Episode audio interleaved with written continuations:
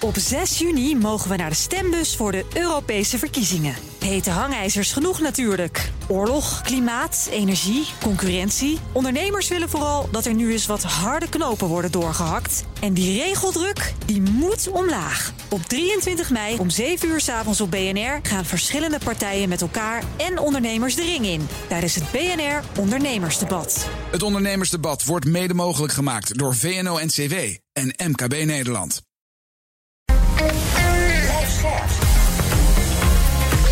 BNR Nieuwsradio. The Big Five. Diana Matroos. Door de oorlog in Oekraïne is Europa met de neus op de feiten gedrukt. We kunnen militair geen goede vuist maken naar de vijand. En dus investeren alle landen meer in defensie. Maar hoe doen we dat nou slim? Hoe snel kan het überhaupt? En hoe autonoom moeten we blijven? En wat is de nieuwe manier van militair denken die we moeten neerzetten?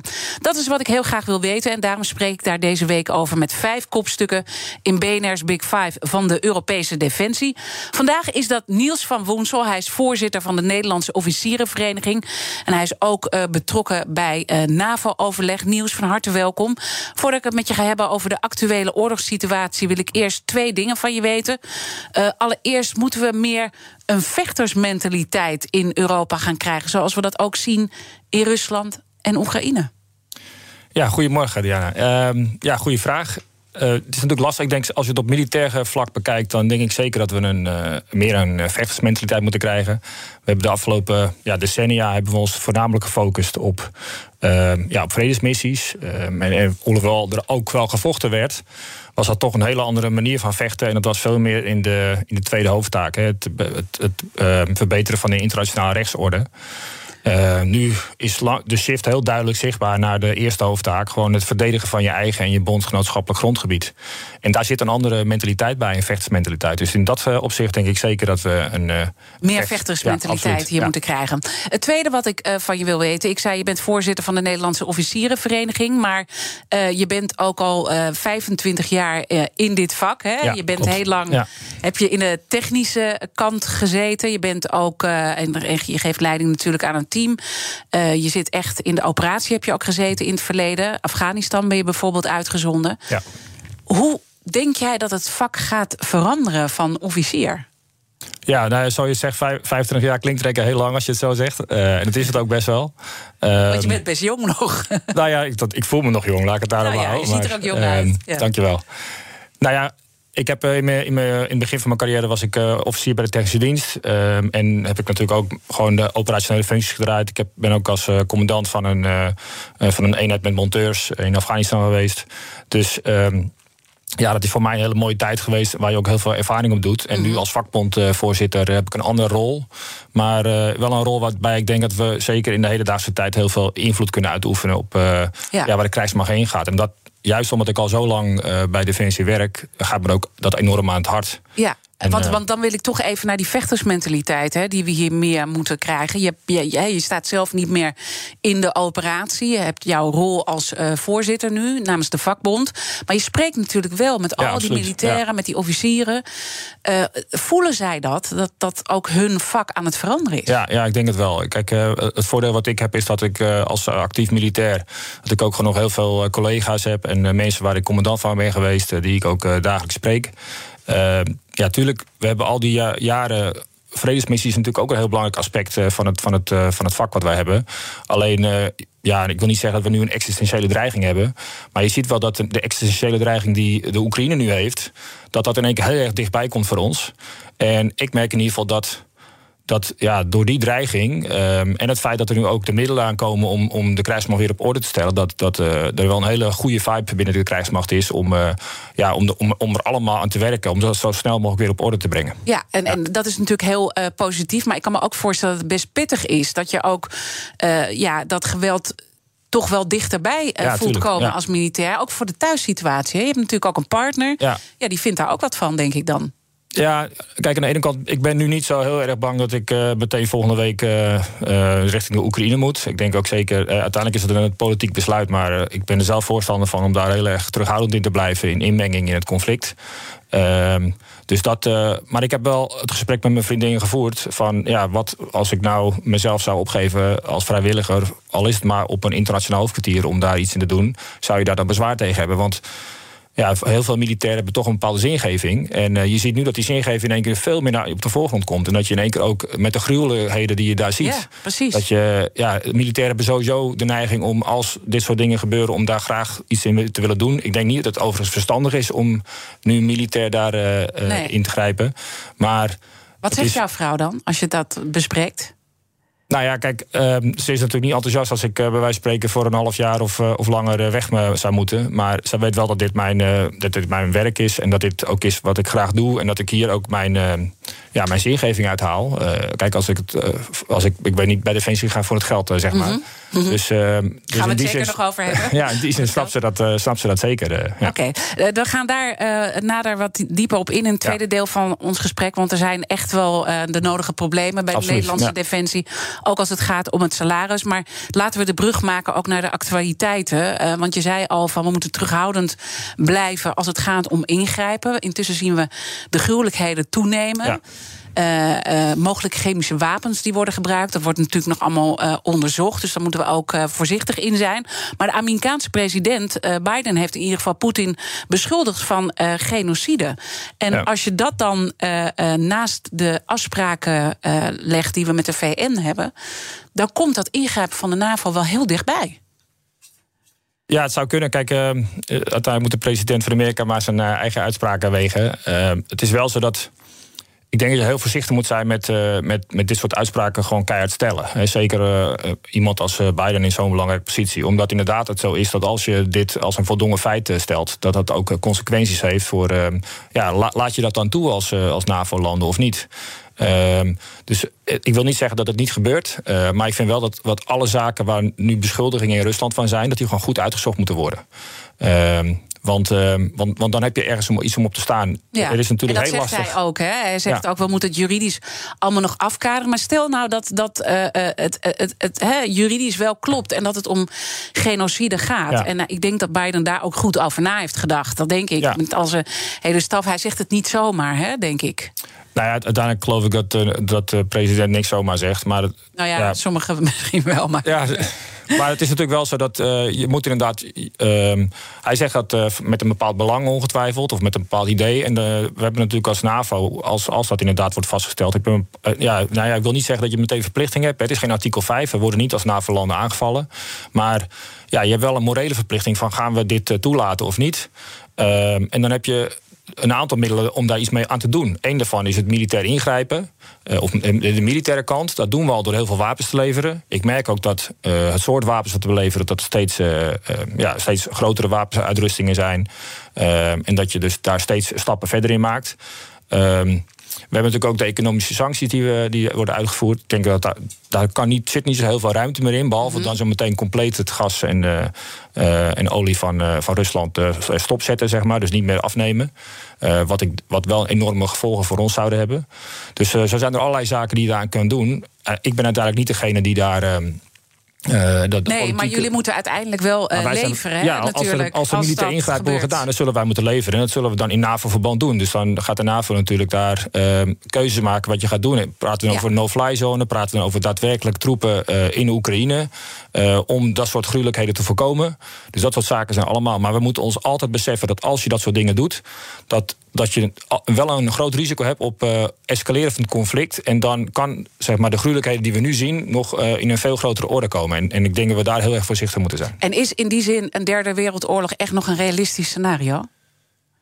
Ja, ja ik denk misschien niet een realistisch scenario. Maar het is wel een scenario waarvan ik een paar jaar geleden gezegd van uh, never nooit niet meer. En uh, dat je dat nu wel ja, op zijn minst bespreekbaar is. Dat je daar op zijn minst over nadenkt. Dus het is, het is geen realistisch scenario, denk ik. Uh, een wereldoorlog is nog wel even een aantal stappen verder. Maar jullie dan... hebben dat ook als militairen, neem ik, met elkaar over. Ja, uiteraard. Kijk, uh, militairen moeten altijd goed voorbereid zijn op alle scenario's. Dus uh, je zult er zal ongetwijfeld, en ik, ben niet, ik zit niet in die planningscel nu bij Defensie of bij de NAVO. Maar er zullen ongetwijfeld nu ook wel plannen worden gemaakt. voor wat gebeurt er als de politiek besluit. Hè, als de NAVO-landen besluiten dat we gaan uh, ingrijpen. Wat kunnen we dan militair? Wat zijn dan uh, zijn, op, ja, opties die we kunnen? Ja. Er zal ongetwijfeld over nagedacht worden, daar ben ik van overtuigd. Maar als je heel eerlijk bent, uh, de opties die we hebben. Ik, ik, ik, luister nou ook altijd goed naar Rob de Wijk, uh, defensie-expert, ja, die ook hier veel op deze zender. En we zijn er gewoon helemaal niet klaar voor. Dat, dat, dat is het prisoners dilemma waar we nu in zitten. Dat is zeker het geval, ja.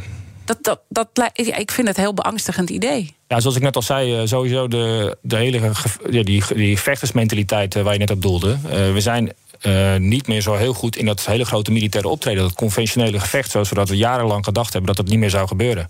Uh, dus daar uh, we hebben problemen ook met het iets lang volhouden. We kunnen wel voor een korte tijd iets, maar om dat langdurig en, en snel inzetbaar. Dus we hebben erg veel problemen om als NAVO echt een vuist te maken. The Big Five. Diana Matroos. Mijn gast is Niels van Woensel. Hij is vakbondsvoorzitter van de Nederlandse Officierenvereniging met 4000 leden. De grootste algemene vereniging voor officieren. Uh, ik wil zo echt ook de Europese defensie met jou doornemen. En dan gaan we uiteindelijk ook naar de Nederlandse defensie. Wat we moeten verbeteren om dus wel die vuist uh, te kunnen maken. Ja. Maar toch nog even uh, heel kort duiden. Ook de actualiteit nu. de stand van zaken als je ziet de Russische nou ja, strategie. Hè. Nu bijna uh, Mariupol mogelijk in handen. Tenminste, ze schieten uh, uh, aardig op. Ja. Hoe, hoe kijk je naar dit moment in de oorlog die gevoerd wordt? Is het een belangrijk kantelmoment weer? Ja, ik, ik denk zeker dat het een belangrijk kantelmoment is. kijk, aan de ene kant zie je dat, dat Rusland zich nu bewust is dat ze eigenlijk initieel te hoog ingegrepen zijn. Ze hebben over uh, ja, bijna vier assen hebben ze een aanval gepleegd. Het doel was ook om uh, Kiev uh, in te nemen en uiteindelijk dus een regime change tot stand te brengen. Ja, en dat is gewoon niet gelukt. En dat kan dat er allerlei redenen. Er zitten logistieke uitdagingen aan. Ongetwijfeld waren de Oekraïners beter voorbereid en is de wil bij Oekraïne om te winnen, is die veel groter dan bij Rusland.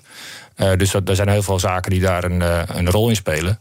Maar je ziet nu wel dat, ze zich, dat de, shift gefocust is naar de Donbass-regio. En voor mij heb dat gisteren uh, was voor het eerst sinds de inval van Rusland dat Poetin wat vertelde, wat een, een, interview heeft gehouden. En da, daar zie je dat ook heel duidelijk zeggen. ook hij spreekt overigens over genocide, wat in mijn optiek helemaal natuurlijk niet geen, geen sprake van kan zijn, vanuit zijn optiek gezien. Mm Alleen, ja, de, het idee is wel dat er, dat er de komende weken, en misschien wel maanden of misschien wel langer, dat er een enorme uh, ja, uh, humanitaire ramp gaat gebeuren daar, omdat Rusland zich ook gaat focussen op uh, burgerslachtoffers. En, om en dat zie je gewoon toenemen, hè, die, die ja. gruwelijkheden. Uh, ik ben dan benieuwd, uh, ik zag Chris Klep, militair historicus, ergens een opmerking maken dat de onderofficieren een laag is die ze niet hebben in het Russische systeem. Ja. Zou dat kunnen meespelen ook de gruwelijkheden op de grond, dat dingen uit de hand lopen, dat de officieren op afstand zitten en eigenlijk niet de manschappen direct kunnen aan aanspreken? Of is het denk je doelbewust? Nou, dat, dat, uh, of dat te maken met het, met het feit dat ze die onderofficierslaag, dat, dat, dat daar minder sprake van is bij het Russische leger, dat denk ik zelf niet. Ik denk dat het vooral te maken heeft met uh, het framen wat, wat Poetin doet, of de, de reden waarom ze de oorlog zijn begonnen. of ja, hun militaire operatie, zeg maar. Ehm, ik denk als je wat, wat Poetin heel erg probeert te doen, is het, demoniseren van de Oekraïnse bevolking. En initieel was het de gedachte om de Oekraïne te bevrijden van de, nazi, van de nazi's. Maar inmiddels eh, zijn ze nu zo van ja, iedereen die nu nog in Oekraïne zit, dat is gewoon een natie of dat is in ieder geval een vijand. Dus ik denk dat dat een grote rol speelt. En daarnaast is het ook zo dat ja, de, de mentaliteit in het, Oekraïnse of in het Russische leger is gewoon veel harder dan wij uh, gewend zijn. He, dat, daar, uh, uh, er is een hele grote hiërarchie. Een commandant bepaalt en de rest voert uit. Ehm, je ziet ook nu hoe mensen gerecruiteerd worden, dat dat op een, ja, gewoon een hele harde manier gebeurt.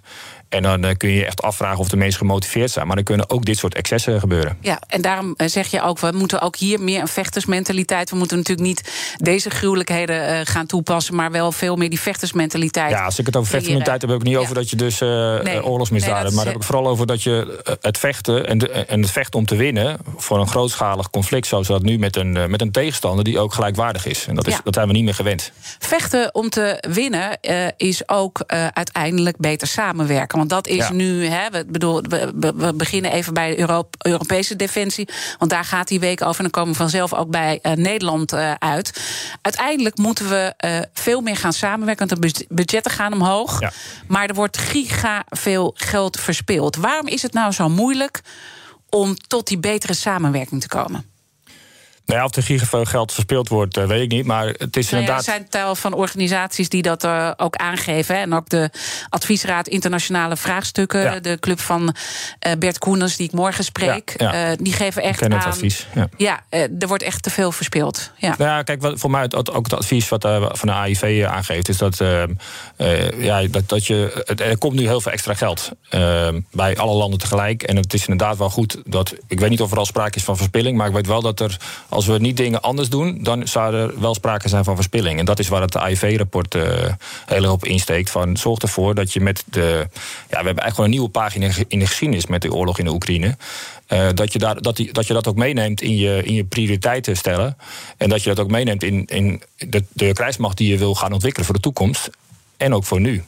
Maar dat is volgens mij ook nu het probleem. Uh, dat we ook niet die vuist kunnen maken. Dat heeft er mee te maken met, met materieel en het personeel wat, wat onderbetaald wordt. Dat, dat gaan we allemaal straks uh, met elkaar bespreken. Maar ook dat we gewoon niet in staat zijn om met Europa op eenzelfde manier te schakelen. Jij bent van de technische dienst heel lang geweest. Dus je weet ook hoe zo'n logistieke operatie uh, in elkaar zit. Dat doen we toch allemaal op een hele andere manier. Nou ja, we, we, moeten ook meer samenwerken. En dat, dat, dat, dat roepen we al jaren. Ehm, we, we, gaan niks meer doen als Nederland alleen hè, met ons leger. Dus in die zin moet je altijd samenwerken. Ik, ik, denk dat de oorlog in de Oekraïne maar nog maar weer aangetoond heeft hoe belangrijk de NAVO is voor onze veiligheid. En dat is echt de hoeksteen van ons veiligheidsbeleid. Uh, maar aan de andere kant zie je ook dat uh, de, de, toenemende samenwerking tussen de NAVO en de EU dat die ook steeds belangrijker wordt. En dat heeft natuurlijk voor een groot deel te maken dat Amerika zich meer focust op eh, China.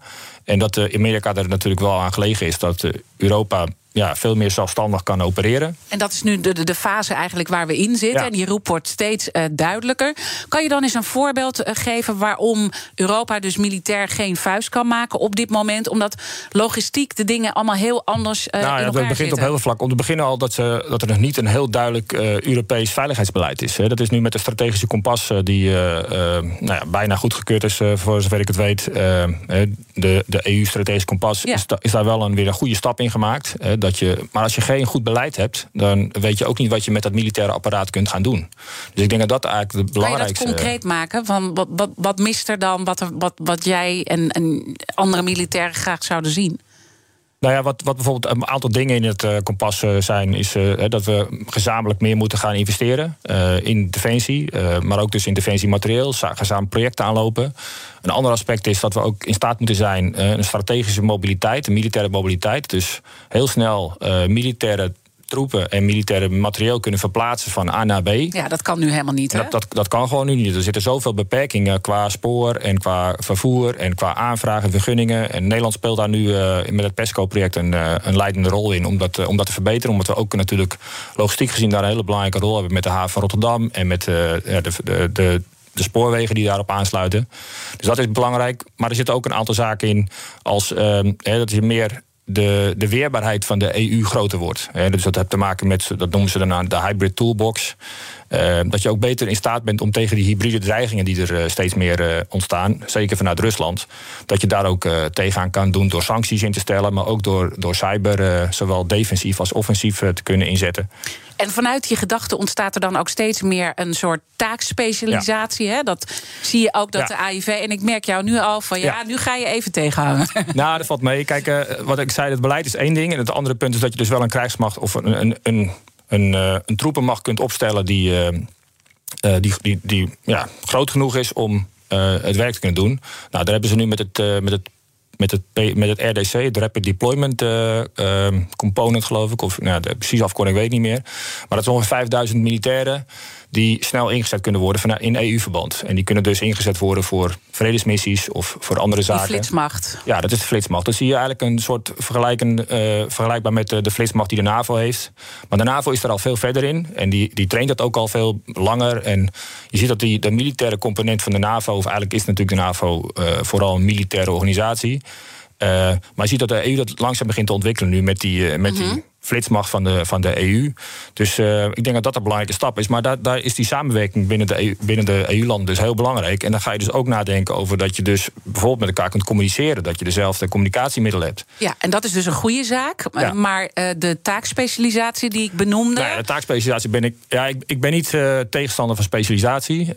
ik denk dat je, het goed is dat Nederland bepaalde dingen die we goed doen, dat we die met een aantal andere landen die het ook goed kunnen, dat we dat ook op in, intensiveren. Mhm. En dat we daar. Um, dat we die, als er wat is, dat we die kunnen inzetten. Maar uh, ten aanzien van het punt van risk uh, sharing en burden sharing. Dus dat je niet zeg maar uh, dat wij zeg maar alle veilige, hoogtechnologische dingen doen en dat we andere landen dan maar uh, de grondtroepen die uiteindelijk als het er echt op aankomt het bloed leveren.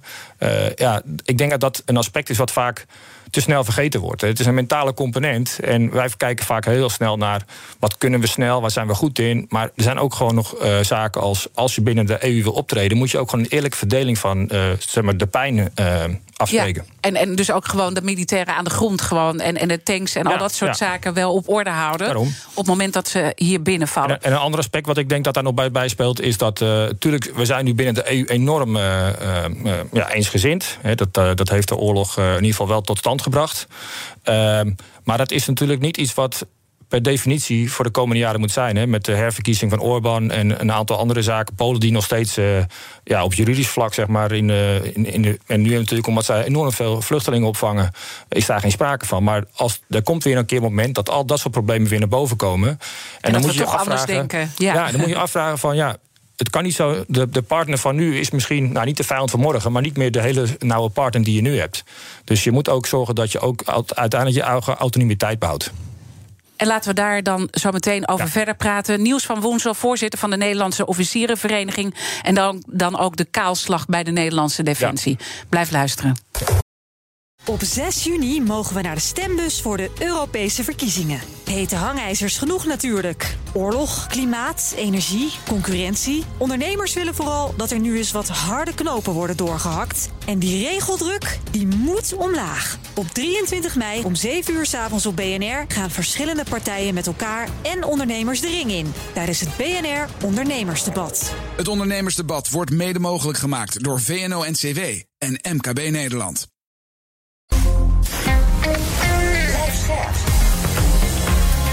BNR Nieuwsradio. The Big Five. Diana Matroos. Welkom bij het tweede halfuur. Deze week praat ik met vijf kopstukken over de Europese defensie. Morgen dan zal ik spreken met de voorzitter van de Adviesraad Internationale Vraagstukken... en tevens oud-minister van Buitenlandse Zaken Bert Koenders. Mijn gast vandaag is Niels van Woensel. Hij is voorzitter van de Nederlandse Officierenvereniging. En in het komend half uur, Niels, wil ik in ieder geval nog twee onderwerpen met je bespreken. Hoe we de Nederlandse defensie weer toekomstbestendig maken... en de huidige staat van de Nederlandse defensie. En laten we met dat uh, laatste beginnen. Want uh, ja, het is allemaal leuk. er zijn plannen om de Nederlandse defensie te versterken. Zoals dat ook in Europees verband is. Het Europese deel hebben we net al uh, besproken. We moeten meer gaan samenwerken als EU. Allemaal leuk en aardig. Maar hoe staat de Nederlandse defensie er nu voor in jouw optiek? Ja, nou ja, gewoon niet goed. Uh, ik, bedoel, ik geloof dat, dat niemand het ook ontkent. Dat wil niet zeggen dat we er nu niet heel veel aan doen... om dat wat we nu hebben, om dat zo goed mogelijk uh, weer op orde te brengen. Mm -hmm. Voor mij heb een tijdje geleden de commandant van landmacht ook gezegd: van ja, we kunnen wel discussiëren over de krijgsmacht die we willen, maar we moeten het nu doen met de krijgsmacht die we hebben. Dus in die zin uh, geloof ik ook wel dat, uh, dat we, we, kunnen echt nog wel dingen en dat doen we nu ook. Maar de staat van de krijgsmacht is gewoon niet goed. We hebben daar jarenlang, hè, zolang ik in dienst gezeten ja. heb, hebben we daarop bezuinigd. En uh, op momenten dat het eigenlijk al niet meer kon, hebben we er gewoon nog verder bezuinigd.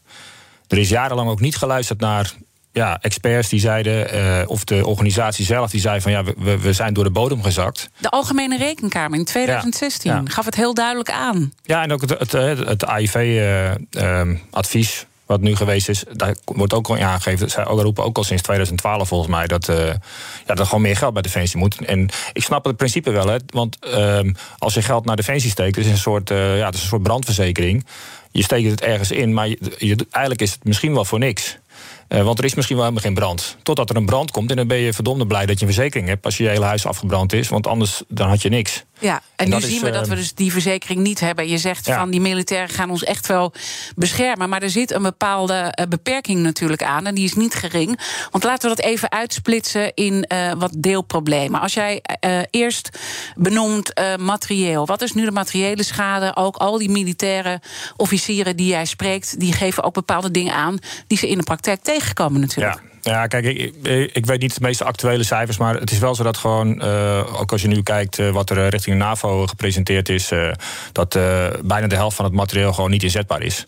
En het is niet alleen maar de inzetbaarheid van het materieel, maar ook de voorraden die we hebben. We hebben gewoon nu niet voorraden op het gebied van munitie, brandstof, voeding, om, om het, het grootschalige gevecht, om die eerste hoofdtaak uit te voeren. En, en dat betekent dus dat als we nu dat zouden moeten doen, dat we dat niet lang genoeg kunnen doen uh, van wat er gevraagd wordt voor de NAVO. Dus uh, het materieel is gewoon uh, verouderd. We hebben ook nieuwe projecten vaak lang uitgesteeld. Ja. schuif maar naar achteren, dan past het binnen de begroting.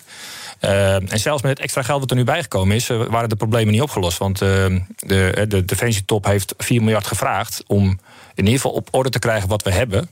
Dan ga je nog niks aan verbetering doen, maar gewoon op orde krijgen wat je hebt. Dat is dus eigenlijk best een, een, een triest gegeven. Hè? Ik bedoel, in het verleden is er ook uh, gezegd, en daar ontstonden hele flauwe grappen, dat jullie pang pang moesten roepen, omdat de uh, wapens er niet waren. Maar over dat niveau hebben we het natuurlijk wel, als je heel eerlijk bent.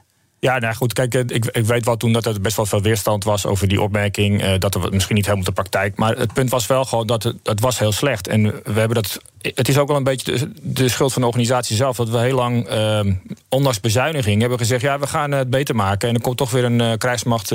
want wat we het altijd verkeerd gedaan hebben, is dat het budget gekomen. En daar hebben we voor bedacht: wat, wat gaan we daarmee doen? Terwijl de hoofdtaken die de krijgsmacht heeft, zijn heel duidelijk, staan in de grondwet. En eigenlijk zou je moeten zeggen van als maatschappelijke discussie, wat voor krijgsmacht willen we?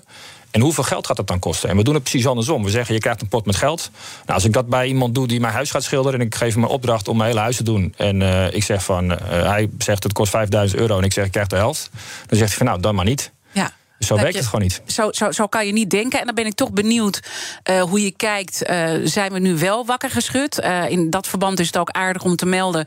Bijna 70.000 bezorgde burgers ondertekenden vorig jaar de petitie om de dramatische staat van defensie op de politieke agenda te krijgen. Dus de burger die voelt het ook. Ja. Die petitie is gisteren aangeboden in de, aan de Tweede Kamer. Heb jij het gevoel dat politiek Den Haag nu echt wakker is? Nou ja, ze zijn wakker dus, uh, want je ziet dat er ook uh, met de motie uh, van D66 is er wel degelijk ook Kamermeerderheid voor om te kijken naar meer investeringen. om te kijken of we naar de 2%-norm kunnen gaan. Om te kijken wat, wat, wat er moet gebeuren. aan de andere kant zie ik wel de daadkracht die Duitsland heeft getoond. door gewoon binnen een aantal dagen, weken te zeggen: van ja, we investeren 100 miljard. En we gaan naar de 2%. Ja, die zie ik in Nederland niet. En, ehm, eh, dan is het toch een beetje, oké, we zijn een veel kleiner land, maar dat is wel eigenlijk dan. Ja, maar het heeft niet, het niet met de grootte van het land te maken. Want het is gewoon iedereen. Kijk, de 2% is uh, in mijn optiek niet een soort grens van als je 2% investeert, dan is je krijgsmacht uh, goed. De 2% is gewoon een, een, norm die gesteld is, waarbij iedereen naar evenredigheid bijdraagt. En dat is voornamelijk dus ook een belangrijke solidariteitsnorm. Uh, veel meer dan dat het een absoluut getal is van als je dat investeert, dan heb je mhm. een goede krijgsmacht. Daarom, ik, ik, zie het ook als een minimum. Terwijl het nu altijd als een soort uh, puntje van de, van de berg wordt gezien. Terwijl dat eigenlijk het minimum zou moeten zijn. Vanuit solidariteit gezien. En vanuit uh, dat je in ieder geval dat deel van je, van je BNP investeert in defensie. En eigenlijk zou je dus naast dat minimum ook moeten kijken van wat heb je nog meer nodig om die krijgsmacht te krijgen die we samen willen. En dan kom je denk ik ook uit bij de waardering. Hè. We, in het begin van de uitzending bespraken we eigenlijk dat nou ja, de, de militair moet meer en, en, en wij allemaal ook in Nederland meer een vechtersmentaliteit ontwikkelen. Dat vraagt ook iets van motivatie, denk ik, uh, uh, van militairen. Als je dat dan vergelijkt eigenlijk met de salarissen die nu worden betaald. Hoe, uh, ja, als vakbondsvoorzitter vind je daar natuurlijk ook wat van. Ja, dat is wel, wel dat is wel een thuiswedstrijd, hè? ja. ja. Ja. Vertel even, waar, waar wringt het het meest? Nou ja, kijk, we, we hebben al heel lang eh, veel te, eh, bijna niks gedaan in de, in de salarissfeer. Of te weinig. En je ziet dan dat we gewoon niet meer kunnen concurreren met zeker specifieke beroepen die we, waarbij je een vergelijkbare component in de markt hebt, zeg maar. Daar, daar, daar doen we het gewoon heel slecht. Maar ook in de breedste zin, de onderste schalen of de onderste rangen van de defensie worden heel slecht betaald.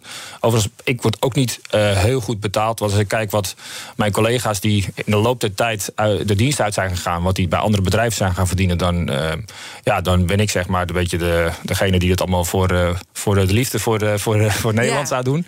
Want, wat, en, want, ehm, want, wil je wat salarissen delen, of jouw salaris of, of, of, van anderen, en dat een beetje in perspectief, dat we weten wat, waar, waar hebben we het over? Ja, kijk, ik heb, dat, ik, ik heb, een beetje, ik heb bijgedragen aan het artikel van de NSC over dat, dat salaris van de McDonald's meer is dan een soldaat. En een soldaat verdient ook als je echt puur naar het salaris bekijkt, en dat is, dat is niet helemaal het hele verhaal, want er komen nog toelages bij, omdat uh, het is niet zo dat Defensie onder het minimumloon betaalt, maar de eerste salarisschalen van de soldaat zijn wel onder het minimumloon.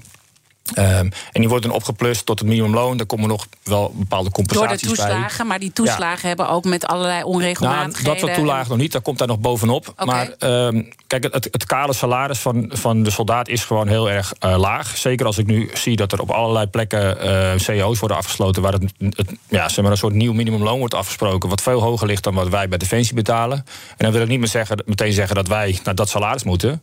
Maar het is wel een heel erg belangrijk beroep wat wij doen. En uh, ik vind dat een, je, hebt, je hebt twee aspecten. Je hebt het militair aspect. En daar zou je denk ik echt goed voor moeten beloond worden. Nou, dat is nu absoluut niet het geval. Wat noem je een getal? Uh, nou ja, als, uh, ik weet het de precieze bedragen niet uit mijn hoofd. Want ik ben zelf dan al een paar jaar niet meer op oefening geweest. Maar als je nu op oefening of op uitzending gaat, dan praten we echt over uh, ja, een bedrag van ongeveer 80, 90 euro per dag wat je krijgt. Uh, voor het feit dat je dus uh, ergens in, nou, bij wijze van spreken, de Roemenië nu een oefening draait. Ja, ik denk als je kijkt hoeveel uren je daar steekt in zo'n dag, hè, met, met werkdagen van 16 uur en meer. En je dat tegen een, een, ja, een burger equivalent zegt van nou, ga ja. maar acht uur per dag overwerken. En ik, ik, ik word hier even ingefluisterd dat de freelancers hier meer verdienen.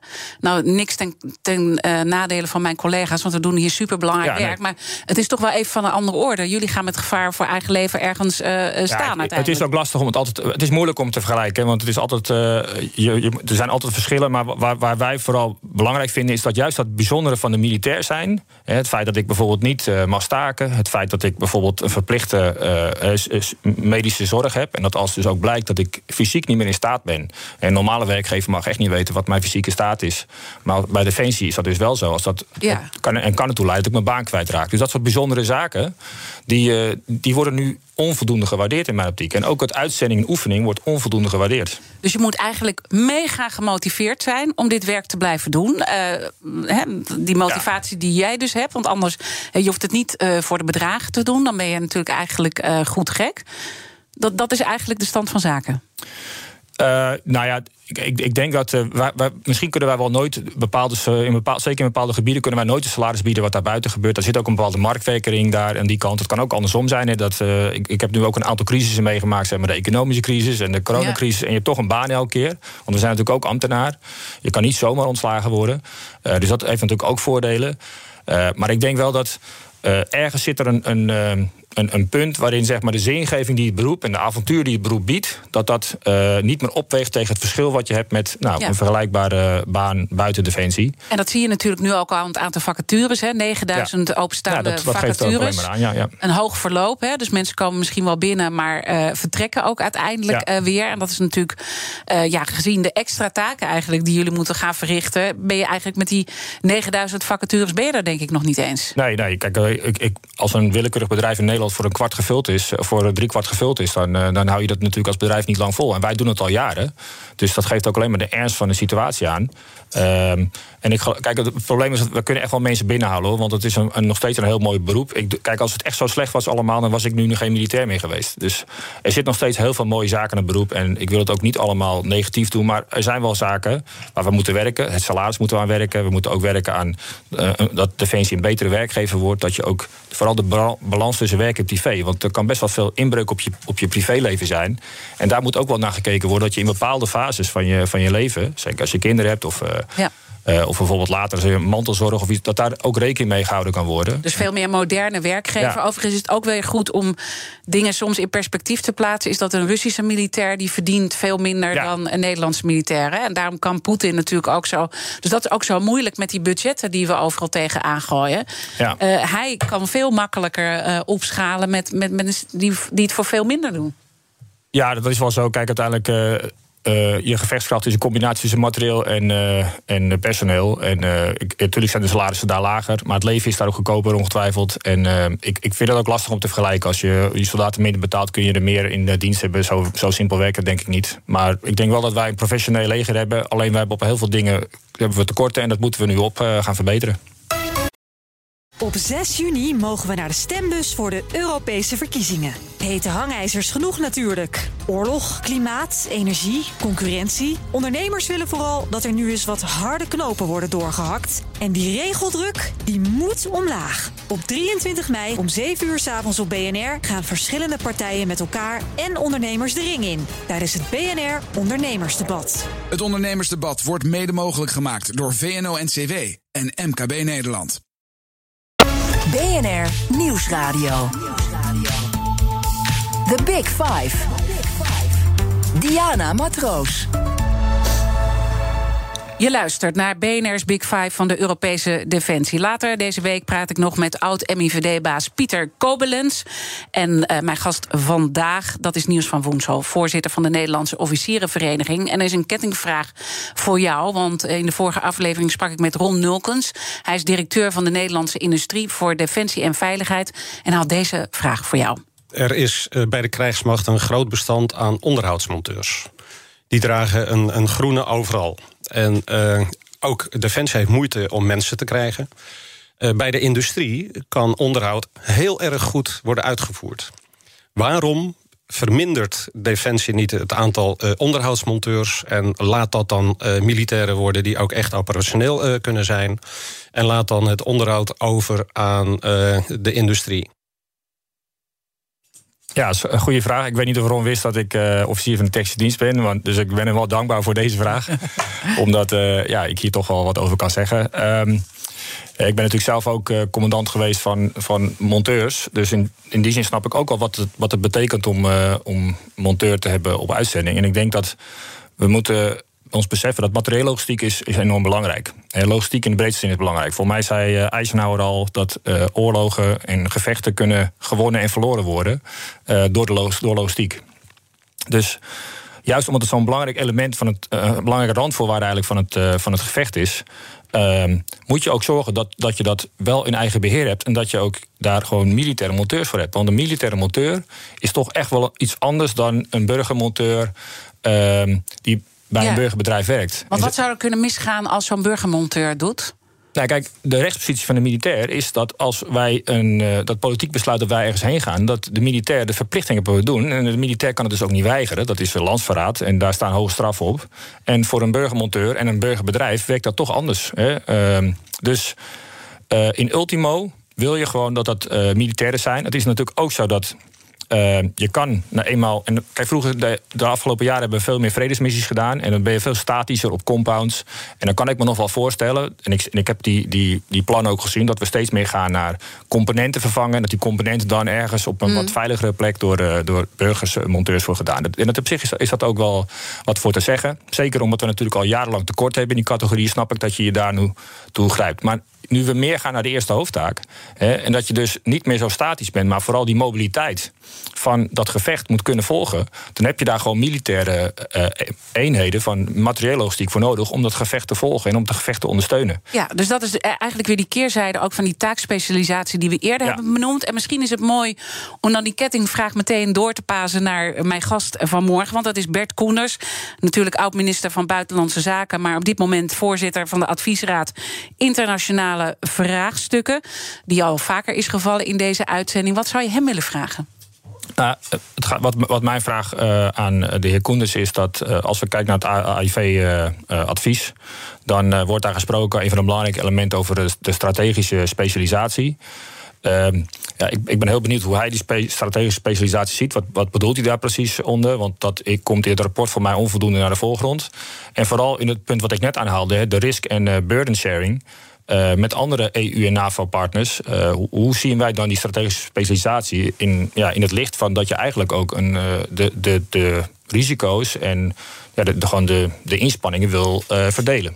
Mooie vraag, ga ik hem zeker stellen. En ik zie dat het een gevecht is met de tijd okay. uh, vandaag. Want uh, nou, vier minuten nog ik op de klok. Woord, nee, nee, want je, bent, uh, je, je, zegt allemaal hele mooie dingen. Dus het ligt niet aan jou. Maar ja, soms is gewoon de tijd op. Laten we die paar minuten die we nog hebben besteden. Die defensienota komt eraan. De contouren zijn natuurlijk al een beetje duidelijker geworden door Olongren, die daar wat over heeft gezegd. Nou, je bent kritisch over die taakspecialisatie. Hè, dat hebben we al gehoord. Maar als jij nou het kabinet zou mogen adviseren, wat, wat zou er dan echt in moeten komen te staan? Nou, wat ik het belangrijkste denk dat het is, is dat we. Uh, er moet, ten eerste moeten we zorgen dat het geld er komt. He, uh, die 2% is wat mij betreft echt de ondergrens die we moeten doen. En dat moet ook gewoon snel gebeuren. Mm -hmm. En ik zou ook heel graag zien, dat, en dat zie je ook in het AIV-advies... dat we dat niet alleen maar voor nu zeggen van we gaan daarheen... Uh, maar dat we het ook vastleggen in de wet dat we, dat, dat altijd als de ondergrens blijft. Uh, en dat we daar ook een meerjarige planning van maken. om te voorkomen dat ze meteen het weer onderdeel van partijpolitiek wordt. Omdat er namelijk drie maanden geleden nog politici waren. die dachten dat we 2 miljard konden bezuinigen op defensie. En nu, een maand of twee later. Denkt, uh, zijn we in één keer een heel andere uh, mening toebedeeld. Mm -hmm. Dus ik, wil, ik zou graag zien dat we naar de 2% als minimum gaan. En dat we dat ook wettelijk vastleggen. En voor een langere periode. Maar daarnaast om dat geld ook snel kwijt te kunnen. Want we praten dan wel in totaal over bijna 7 miljard euro extra op de begroting. Dus nog een keer 4 miljard extra, bijna 4 miljard extra dan mm -hmm. nu de, de 3 miljard extra is toegewezen. Dan. Uh, we krijgen een enorme uitdaging om het, om het, geld goed en snel te besteden. Dus we zullen ook moeten kijken naar het aanpassen van regels, het aanpassen van de bureaucratie die er is richting de Tweede Kamer, om dat soort materieelprojecten te doen. Misschien prioriteit stellen bij het bouwen van, uh, van projecten. Een kazerne moet misschien voorrang hebben op een brug of uh, een ander overheidsgebouw. En niet geremd worden door allerlei stikstofregels. En niet geremd worden door stikstofregels. Die, die, ik snap dat die stikstofregels er zijn. Ik wil ze ook niet omvergooien. Maar dat, dat betekent wel dat je misschien keuzes kan maken om iets anders uh, later te doen. En dan nu de prioriteit bij die kazerne of bij het munitiecomplex uh, te leggen. Dus, uh, dus de, de, de, mentaliteit, de mindset om te zorgen dat, we, dat Defensie de mogelijkheid heeft om dit geld snel en goed weg te zetten. Uiteindelijk moet je natuurlijk ook, nou ja, die salarissen omhoog. Daar heb je al ja. het een en ander over gezegd. Maar die 9000 vacatures, dat is nog niet genoeg. Er moet uiteindelijk ook uh, meer bij.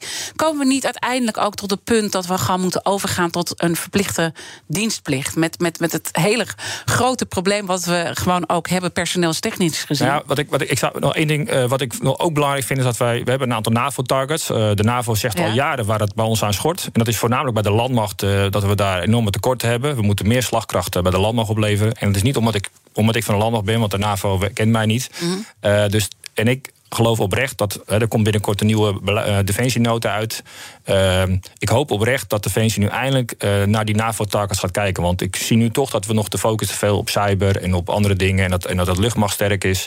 En ik hoop toch echt dat we die NAVO-targets gaan invullen. In, ja, investeren ja. in de landmacht. Maar daar dan toch ook de verplichte dienstplicht in gaan voeren? Nou ja, op de korte termijn geloof ik niet dat wij uh, gered zijn met, het, met de dienstplicht. Ik zie wel projecten. De staatssecretaris heeft nu ook aangegeven een soort sociale dienstplicht zo naar het Zweedse model. En ik ben daar absoluut niet op tegen. Ik, ik, denk ook wel dat het zeker voordelen heeft. Maar we hebben wel, je hebt een, zeg maar, een korte termijn en een lange termijn uh, aspecten. En voor de korte termijn, om de krijgsmacht nu op orde te brengen, zie ik daar niet zo snel uh, nu dat we dat ja, op de korte termijn zo goed kunnen inregelen... Mm. dat dat de problemen voor de korte termijn kan oplossen. En de vraag is of je die mensen dan überhaupt wel hebben. Want er zijn nu wel heel veel jonge mensen ook die ge, ja, geïnspireerd zijn. Geraakt ja. was gisteren ook een open dag. Maar dan hoor je ze toch zeggen... Ja, het zal zo'n vaart niet lopen bij het NOS-journaal... was dat te horen, dat nou, we in de frontlinie staan. Ik vind het dus, natuurlijk goed dat er, ja. dat er heel veel mensen zijn... Die, veel, die, die zingeving die ons bedrijf heeft en het avontuur, dat, dat trekt aan. En dat is nu misschien ook uh, wat meer dan anders. Maar dat zakt natuurlijk ook later weer weg. Het wil ook niet zeggen dat iedereen die nu enthousiast is dat hij geschikt is. Want ik denk dat je aan de, aan de keuringseisen moet volhouden. Het moet natuurlijk wel iemand zijn die geschikt zijn. Dus, maar, en ik ken het model van Zweden onvoldoende om daar echt alle voor- en nadelen van, van te kennen. Maar ik geloof wel dat het een maatschappelijk voordeel is. Het, het zijn van militair is wat dat betreft. Ja, ik vind het een fantastisch beroep. En ik denk dat iedereen daaraan zou mogen proeven. Dat dat voor heel veel mensen een, een aanvulling en een meerwaarde zou zijn. Maar voor de korte termijn geloof ik niet dat dat de oplossing is om de krijgsmacht weer op orde te krijgen. Voor de lange termijn ja, ben ik er absoluut niet tegen. Nee, maar korte termijn is het geen oplossing. En dan moeten we toch bouwen op mensen zoals jullie. En dank dat je overweegt dan om toch eh, naar de frontlinie te gaan, mocht het uiteindelijk uh, nodig zijn. Ja, als ik ga, dus wel waarschijnlijk de laatste militair die moet. Maar want er zijn er allemaal andere collega's al gegaan. Maar als het moet, kijk, ik heb hiervoor gekozen en dat geldt voor al mijn collega's. En als het uiteindelijk uh, de opdracht daarvoor gegeven wordt door de politiek, dan sta ik er ook. En dat geldt voor iedereen bij Defensie. Dank Niels van Woensel, voorzitter van de officierenvereniging. En natuurlijk zijn alle afleveringen van BNR's Big Five zoals altijd terug te luisteren. Je vindt de podcast in onze BNR-app of op bnr.nl of waar dan ook. Uh, maar intussen wens ik je een hele mooie dag. En luister ook naar BNR Breekt zometeen. Op 6 juni mogen we naar de stembus voor de Europese verkiezingen. Hete hangijzers genoeg natuurlijk. Oorlog, klimaat, energie, concurrentie. Ondernemers willen vooral dat er nu eens wat harde knopen worden doorgehakt. En die regeldruk, die moet omlaag. Op 23 mei om 7 uur s avonds op BNR gaan verschillende partijen met elkaar en ondernemers de ring in. Tijdens het BNR Ondernemersdebat. Het Ondernemersdebat wordt mede mogelijk gemaakt door VNO-NCW en MKB Nederland.